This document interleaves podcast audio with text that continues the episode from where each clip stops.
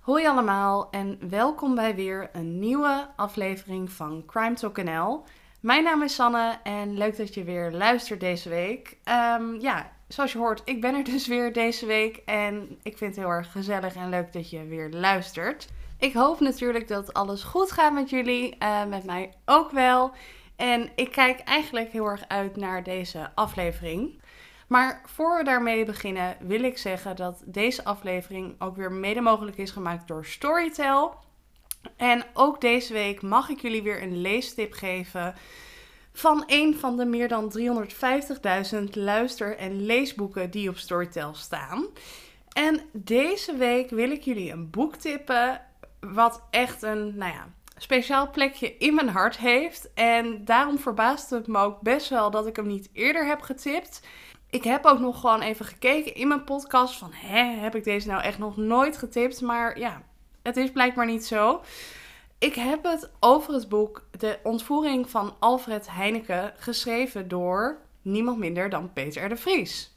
En dit boek heeft dus een speciaal plekje in mijn, uh, nou ja, boekenhart. Uh, omdat het eigenlijk een van de eerste true crime boeken was die ik ooit las. En daarbij was het eigenlijk ook een beetje het begin uh, van mijn Peter R. de Vries aanbidding. Dus ja, het brengt voor mij een hele hoop herinneringen naar boven. En ik was er echt van onder de indruk. En ik heb het echt in één ruk uitgelezen. Dus nou ja, dit boek vind ik eigenlijk, als je een beetje geïnteresseerd bent in waar gebeurde misdaad, dan moet je gewoon dit boek hebben gelezen. Um, het boek gaat, zoals je misschien wel vermoedt, over de Heineken-ontvoering. De ontvoering gepleegd door uh, Willem Holleder, Cor van Hout, Frans Meijer en Jan Boelaert. En ja, dit is zo'n bizarre en bekende, of misschien wel de bekendste ontvoering uit de Nederlandse geschiedenis. Ja, daar moet je eigenlijk gewoon over lezen. Um, het boek is ook geschreven op basis van interviews met Cor van Hout en Willem Holleder. Dus dat geeft je ook weer een ander inzicht dan de gewone informatie, zeg maar. Het geeft je een andere kijk op de feiten die zijn gepleegd. En ja, ik vind het in ieder geval heel erg interessant. En uh, ik ga hem denk ik dus nu ook weer nog een keer lezen. Want het is al wel een tijdje geleden. En ja, het was echt een geweldig boek. Dus ga die absoluut lezen. En uh, wil je dit boek nou luisteren? Dat kan, want je kan nu als je naar story.nl slash crimetalk gaat 30 dagen gratis gebruik maken van de diensten van Storytel. Dus dan kun je vrij laagdrempelig kennis maken met Storytel. En dan kan je dus het boek over de Heineken-ontvoering lezen. Of een van de andere 350.000 luister- en e-boeken. Um, ik ben momenteel ook compleet andere boeken aan het lezen over zelfontwikkeling niet interessant voor de podcast. Maar er is zoveel op te vinden. Ik ben echt ontzettend fan. En overal waar ik heen ga, ben ik aan het luisteren. Uh, dus ga dat even bekijken. De link zet ik in de show notes. En staat ook op Instagram in mijn uh, bio. Dus ga dat even bekijken. Dat gezegd hebbende, gaan we beginnen met de zaak van deze week. En de zaak van deze week is vrij heftig en bizar. En wederom verbaasde ik me weer over het feit dat ik de zaak helemaal niet kende. Want dit schijnt in 1963 een enorme zaak te zijn geweest. Veel op het nieuws geweest, veel in de media. Het was echt een heel groot iets. Uh, maar ja, ik had er nog nooit over gehoord. Niet dat ik alles weet, maar toch, ja. Ik heb hem gevonden en toen dacht ik, nou, hier moet ik absoluut een podcast over maken. Dus vandaag ga ik het met jullie hebben over de Brekelsveldmoorden uit 1963. Ik begin natuurlijk weer met de achtergrondinformatie. Uh, ik merk wel dat de achtergrondinformatie van zaken die echt een stuk ouder zijn ook minder achtergrondinformatie hebben. Um, maar er is wel wat, dus daar ga ik gewoon mee beginnen. Um, ja, het gaat over een gezin dat um, bestond uit vijf personen. Allereerst de moeder, Barbara van der Hof van Wek, die in 1963 38 jaar oud was. En ze was getrouwd met de vader van het gezin, maar die was zes jaar daarvoor overleden. Dus Barbara die was een weduwe en dat lijkt me best wel heftig als je vier kinderen hebt, vier zoons, want die hadden ze dus.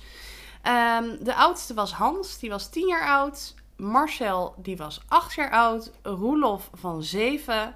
En de laatste was Gerard van vijf jaar. Wat dus volgens mij ook betekent dat Barbara zwanger was op het moment dat haar man overleed. Of het moet dan net samen zijn gevallen, maar in ieder geval, hij was echt nog heel erg jong. En dat is natuurlijk ook heel erg heftig voor Barbara.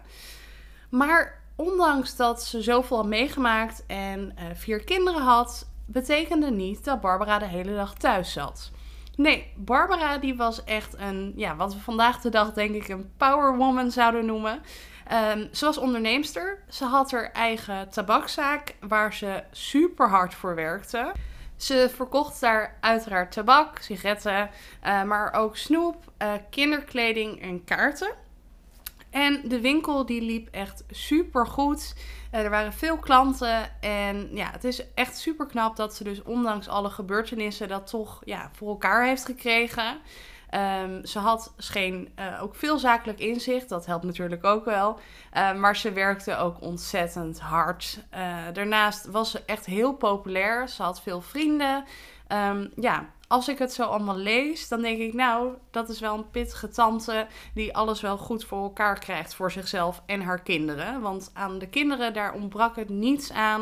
Uh, daar zorgde ze ook goed voor, met de hulp dan van iemand anders die dan oppaste. Maar goed, ze deed het toch maar mooi allemaal zelf. En dat is natuurlijk nogmaals super knap.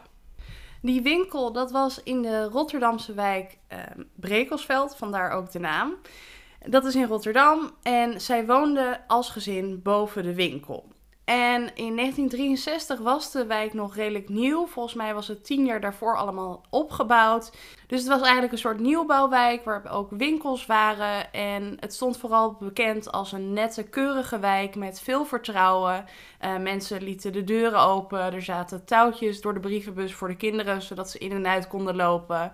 Um, er gebeurde eigenlijk nooit iets geks. En het was gewoon een hele prettige wijk om te wonen en te leven. Tot eigenlijk ja, januari 1963, want dan gaat het helemaal mis en verliest de wijk eigenlijk zijn onschuld. Het is dan namelijk uh, de nacht van vrijdag 8 januari op zaterdag 9 januari en het was een hele koude en mistige nacht. En toen de tijd liep daar s'nachts een nachtwaker rond. En volgens mij is dat een soort van beveiliger uh, die dan nou ja, kijkt of alles in orde is. Um, nou ja, die beveiliger die inspecteerde de deuren, de wijken. En hij was bij het winkelrijtje waar ook Barbara de winkel was. En daarboven dus een woning. En er was eigenlijk niks aan de hand. De deuren zaten keurig op slot. Dus nou, hij kon eigenlijk verder gaan.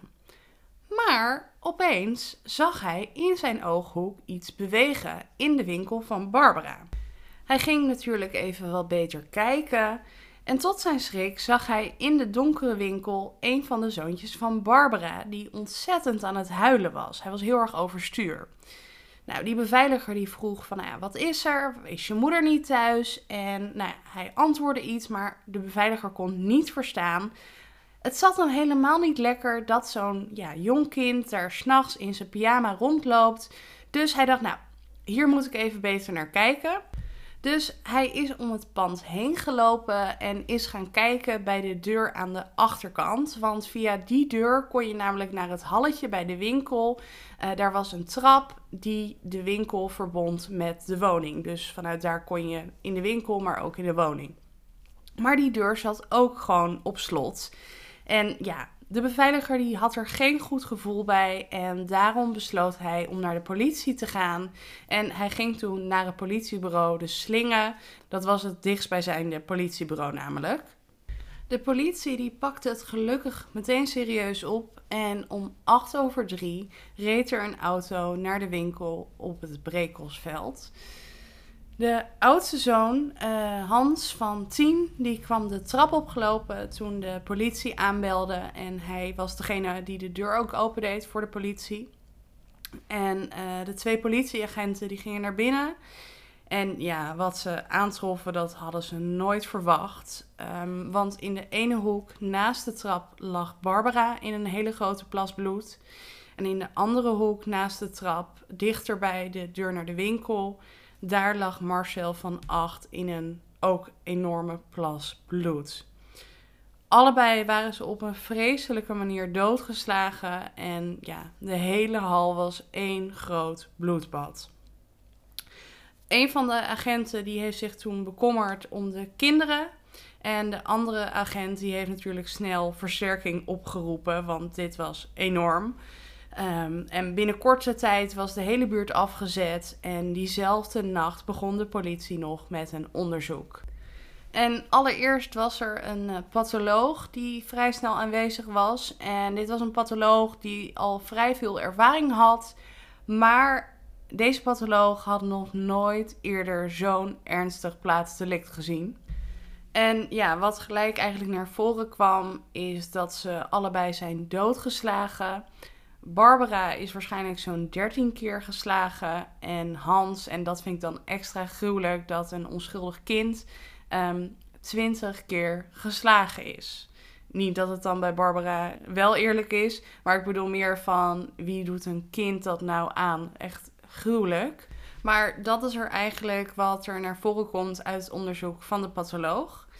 Natuurlijk werd er ook een uh, ja, groot politieonderzoek gestart. En eigenlijk is het wel bijzonder, want ze hadden eigenlijk verwacht dat de dader binnen de kortste keren gearresteerd kon worden. Um, sowieso was het toen de tijd zo dat vrijwel alle zaken in Rotterdam heel snel werden opgelost. En ja, hierbij hadden ze zoiets van, nou dit was zo'n groot bloedbad. Er moet iemand zijn die bebloed heeft rondgelopen. Er moet iemand zijn die de dader heeft gezien. Ja, ze hadden gewoon verwacht dat ze de dader heel snel zouden pakken.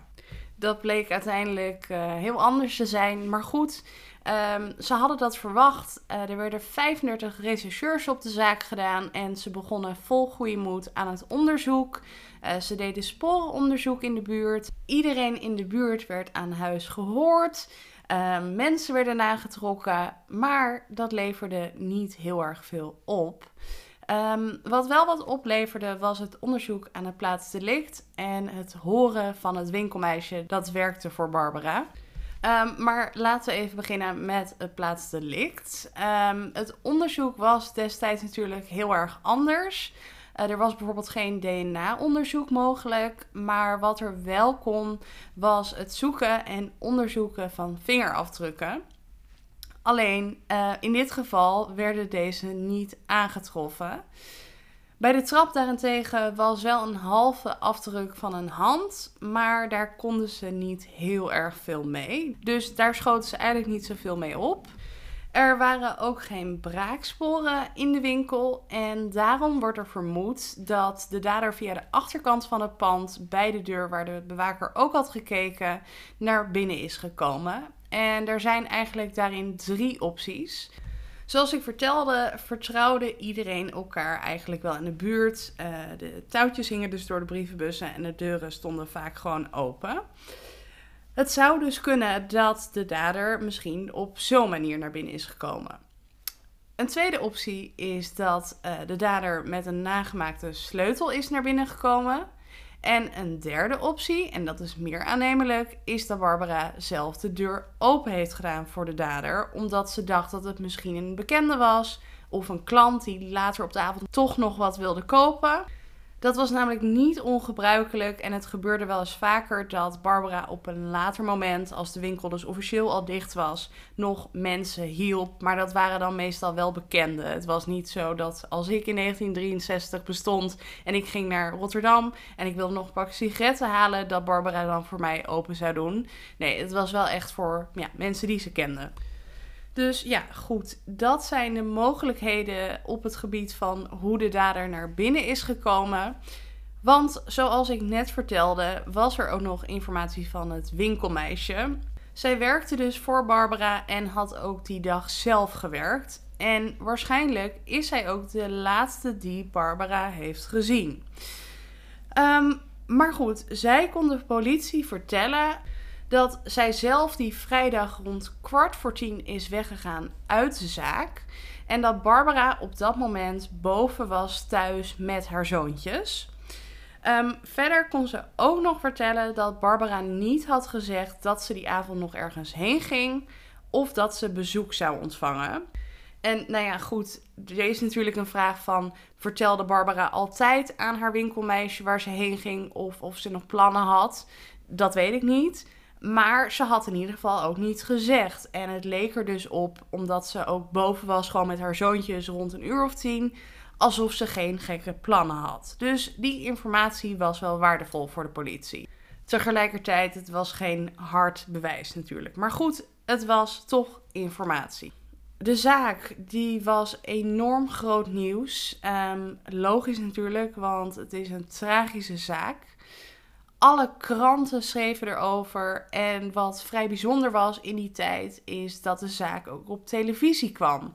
Er was toen amper tv, volgens mij waren er twee of drie kanalen, zenders. Dus als er iets op het nieuws kwam, dan was dat bijzonder. En nou, dat geeft wel aan hoezeer de zaak leefde dat het zelfs op tv kwam.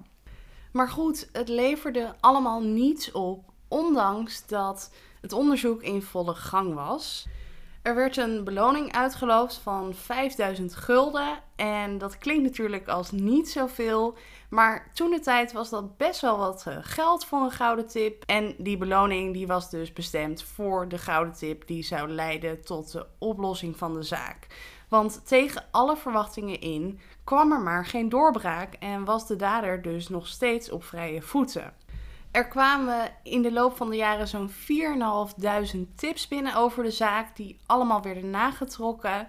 En in totaal zijn er 27.000 mensen, ik herhaal 27.000 mensen nagetrokken.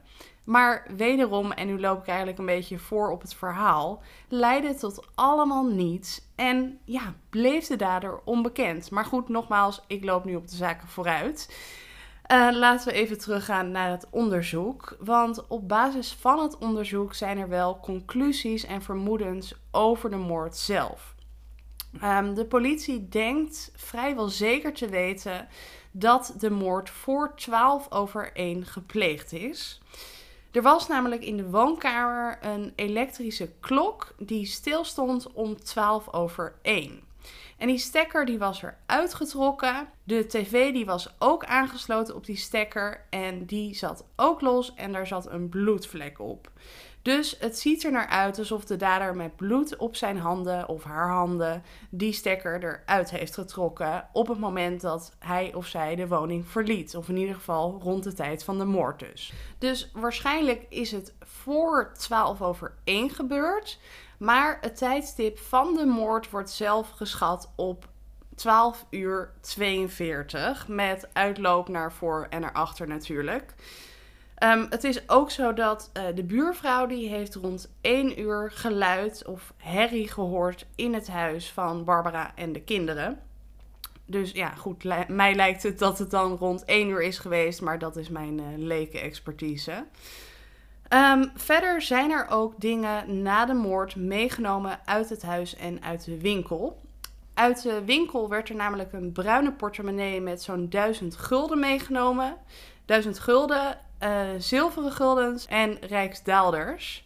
Dus dat werd er meegenomen uit de winkel. En uit de woning zelf is ook een portemonnee meegenomen. Ze weten niet hoeveel geld erin zat, maar wel dat er een portemonnee is meegenomen. Um, een sleutelbos, een stenen asbak en waarschijnlijk het moordwapen waarvan niemand weet wat het is geweest. Vermoed wordt wel dat het een zwaar ding moet zijn geweest met een smalle kant. Dat hebben ze geconcludeerd op basis van de verwondingen. Maar nogmaals, wat het is geweest weet niemand, want het moordwapen is dan ook nooit gevonden. Er is wel dicht bij het huis van Barbara een asbak gevonden van Barbara zelf. En deze werd zo gevonden dat er een soort van gooispoor zat. Dus het lijkt erop alsof de dader deze heeft weggegooid na de moorden. En dan denk je misschien, hey, zou dat niet het moordwapen kunnen zijn? Dat zou kunnen, maar de politie denkt dat de asbak te licht is geweest voor de ernst van de verwondingen. Dus het is logischer als het moordwapen iets heel zwaars is geweest met een smalle kant dus.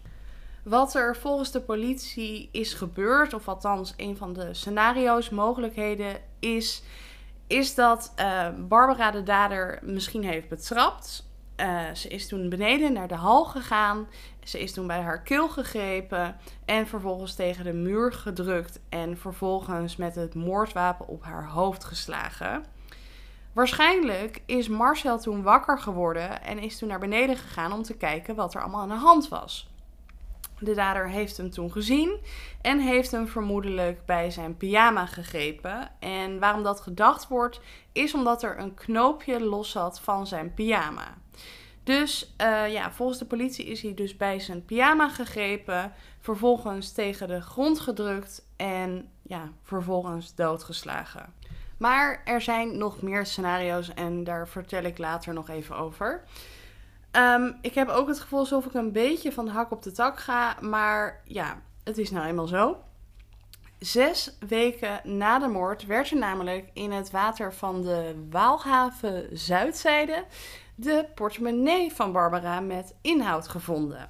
En in die portemonnee daar zaten uh, eh, 98 zilveren guldens in, vier zilveren rijksdaalders en um, een briefje van 10 gulden met een brandgat erin.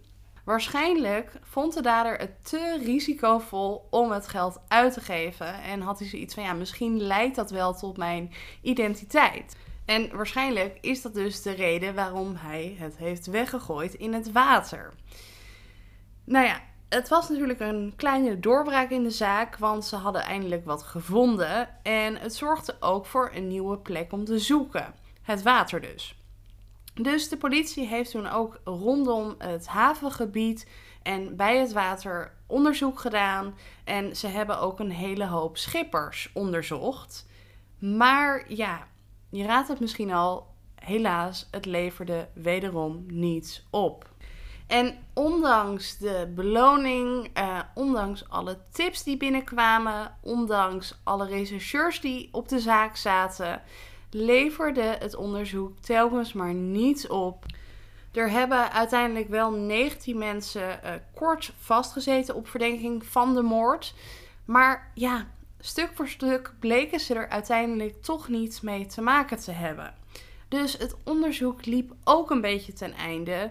Want ja, zoals ik natuurlijk wel vaker zeg, um, op een gegeven moment kan er niet meer onderzoek gedaan worden dan er al is gedaan. En helemaal als er niet ja, nieuwe vondsten zijn of als er geen nieuwe informatie bij komt of is, ja, dan wordt het gewoon heel erg lastig. En dat was dus ook in het geval van de Brekelsveldmoorden.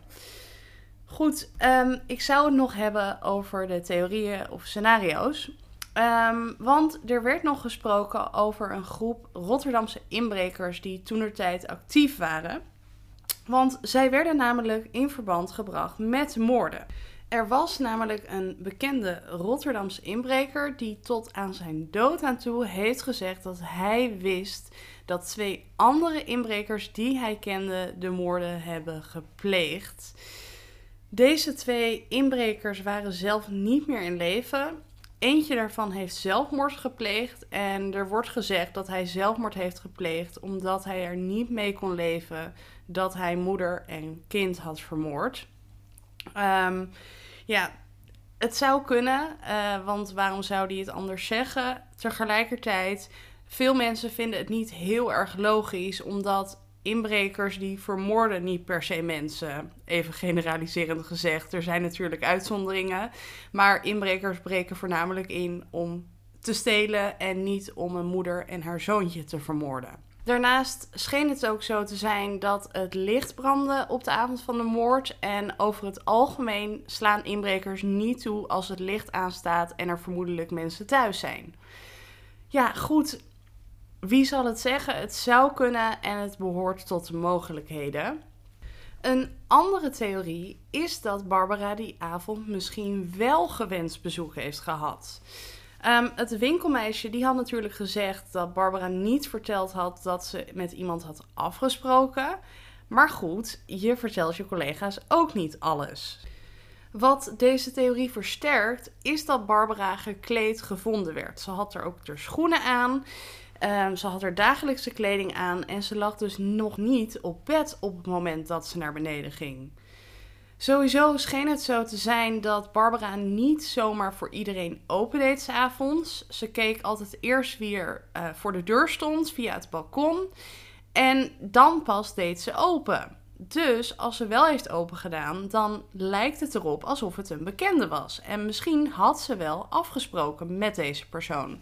En wat verder ook wel opvallend is, is dat in de asbak die gevonden werd, een paar weken na de moord, daar zaten geen sigaretten meer in, maar er zaten nog wel wat asresten in. En het lijkt er daarom op alsof hij vlak voor die tijd nog is gebruikt. En het zou daarom ook best wel goed kunnen dat deze bekende een sigaret heeft gerookt bij Barbara thuis en deze vervolgens heeft geast in die asbak. En wat er dan bij deze theorie, bij dit scenario past en hoort, is dat nou ja, die bekende die was op bezoek geweest. Die bekende heeft een sigaret gerookt thuis. Um, hij of zij ging weg en Barbara is mee naar beneden gelopen. Vervolgens is daar toen de sfeer omgeslagen en heeft hij of zij Barbara vermoord. Marcel is toen naar beneden gekomen omdat hij dus dat lawaai hoorde en is toen ook vermoord. Omdat het zou kunnen dat, omdat het een bekende was, dat Marcel hem zou herkennen. En ja, de dader uit angst dacht van ja, hij gaat vertellen dat ik Barbara heb vermoord, dus moet hij nu ook dood. Vervolgens zou hij dan die asbak hebben meegenomen, omdat daar sporen op zouden kunnen zitten. En heeft hij die asbak daarom ook weggegooid. Ik hoop dat het een beetje duidelijk is. Maar dit is dus ook een scenario waarin veel mensen geloven.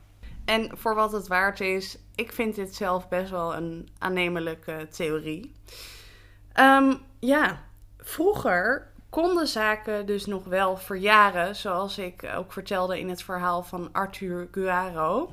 En dat was dus ook zo in de tijd van de moord op Barbara en Marcel.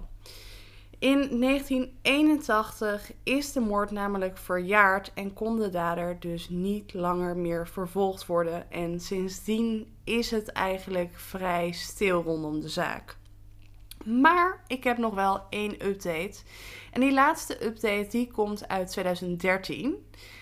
Er was namelijk een man die uh, een redacteur van de Trouw, van de krant, uh, benaderde naar aanleiding van een geschreven artikel over de moorden in 1993. Trouw had namelijk inzicht gehad in het politiedossier en uh, deze man die dus Trouw had geschreven, die had een vrij specifieke vraag, namelijk de vraag of zijn familienaam was voorgekomen in de kaartenbak van de politie. En die kaartenbak, dat was dan een bak waarin alle mensen die zijn nagetrokken werden geregistreerd. En ja, dan denk je natuurlijk van, huh, waarom zou je dat zomaar vragen? Um, die man had namelijk het vermoeden dat zijn vader de dader was. Um, hij vertelde namelijk aan Trouw dat zijn ouders vlak na de moord meerdere keren verhuisden en achteraf denkt hij dat het best wel zou kunnen dat dit was uit angst en paniek voor de feiten die zijn vader had gepleegd. Zijn vader kende Barbara. Hij kocht altijd sigaretten bij haar in de winkel. En de man, de zoon dus, was ervan overtuigd dat Barbara hem wel binnen zou laten als hij later op de avond zou aankloppen en zou zeggen dat hij nog sigaretten wilde kopen. Daarnaast werkte zijn vader dicht bij de plek waar de portemonnee in het water werd gevonden. En het zou dus niet onlogisch zijn dat hij de moord had gepleegd en toen vervolgens onderweg naar zijn werk een omweg heeft gemaakt om de portemonnee te lozen. Nou ja, die man die had dus een sterk vermoeden dat zijn vader de dader had kunnen zijn. Hij heeft het alleen nooit aan hem gevraagd. Hij durfde het niet, ook vanwege zijn leeftijd. En vervolgens is zijn vader ook overleden en kon het dus ook echt nooit meer gevraagd worden. Een optie, ja, dat kan het zeker zijn. Tegelijkertijd is en blijft het natuurlijk een vermoeden. Um, Trouw heeft nog wel de politie benaderd, maar de politie die wilde eigenlijk geen actie ondernemen omdat er, ja, er waren niet echt hele harde bewijzen. De zaak was al verjaard. En ja, dan was het eigenlijk zonde van de tijd, het geld en de energie om daar nog heel veel mankracht in te stoppen. Um, maar het blijft een interessante optie. Um, en ja, jammer dat het niet onderzocht kan worden. Uh, ja, dat is eigenlijk wat er uit onderzoeken naar voren is gekomen. Uh, de zaak is dus niet opgelost, maar ik ben nog niet klaar, want nu lijkt het misschien alsof ik klaar ben. Want in mijn zoektocht naar informatie kwam ik ook nog een artikel tegen over de moord, waarop Roelof, een van de zoons van Barbara, heeft gereageerd. En dat wilde ik jullie toch nog even laten horen. En dit lees ik dus even voor, dus dit is echt een citaat. Hallo, er zijn veel mensen die willen weten hoe het met de drie broers verder is gegaan. Momenteel gaat het redelijk goed met mij en mijn broers. Dat is wel anders geweest. Vroeger deed men niet aan slachtofferhulp. Wij zijn ongeveer tien jaar lang achtervolgd door journalisten. Daar is zelf een gerechtelijk verbod op gekomen. Ze probeerden van alles en nog wat om foto's te maken. Mijn naam is toen veranderd, dus voor hun niet meer te vinden. Hier laat ik het even bij. Groeten Roel. Hij heeft dus zijn naam veranderd in Roel. Ja, uh, heftig. Uh, heftig ook om te lezen dat zij zo weinig hulp hebben gehad en zo zijn lastig gevallen. Ik bedoel, het is al erg genoeg als je vader alleen al overlijdt. Als dan vervolgens je moeder wordt vermoord en je broertje ook nog, dan zou je in ieder geval moeten en kunnen verwachten dat je dat in rust mag verwerken. Um, maar dat was dus niet het geval. Ehm, ja, ik vind het echt heel heftig om te lezen. Dat ze zo lang zijn lastiggevallen. Dat ze zo weinig hulp hebben gekregen. En dat de zaak ook nooit is opgelost. Ja, echt hartverscheurend. En wat moeten zij het zwaar hebben gehad. Echt vreselijk. Echt heel heftig. Ehm, ja, ik kan jullie dus niets meer vertellen dan dat de zaak niet is opgelost. En bij sommige zaken zeg ik nog wel van nou ik blijf hoop houden dat de zaak toch nog wordt opgelost. Maar hoe graag ik dat ook zou willen zeggen, die kans is natuurlijk heel erg klein. Het is al een hele tijd geleden. En de kans is groot dat de dader al lang is overleden. Um, of dat diegene zoiets heeft ja, nu neem ik dat geheim ook mee in mijn graf. Dus ja, ik hou natuurlijk wel een beetje hoop. Want ik vind echt die, die, kinderen van Barbara die verdienen om in ieder geval een antwoord te krijgen. Maar ja, of dat gaat gebeuren, dat uh, betwijfel ik. Maar ik hoop het in ieder geval wel. Dit was wat ik jullie kon vertellen over de Brekelsveld moorden. Um, ja, mijn kijk, luister, leestip voor deze week is dus de ontvoering van Alfred Heineken, geschreven door Peter de Vries. En dit boek kan je dus vinden op Storytel. Je kan Storytel dus 30 dagen gratis uitproberen via story.tel slash crimetalk. De link zet ik in de show notes en staat ook op Instagram. Evenals de titel van het boek, dan kun je het heel erg makkelijk terugvinden. Dus ga dat even bekijken. Al het beeldmateriaal zet ik natuurlijk ook op Instagram. Uh, er is best wel wat beeldmateriaal, dus ga dat zeker bekijken. Crimetalknl. Volgende week ben ik er gewoon weer, dus zorg dat je erbij bent. Um, ja, dan wil ik je voor nu gewoon bedanken voor het luisteren deze week. En ik wens jullie een hele fijne week toe en tot horens.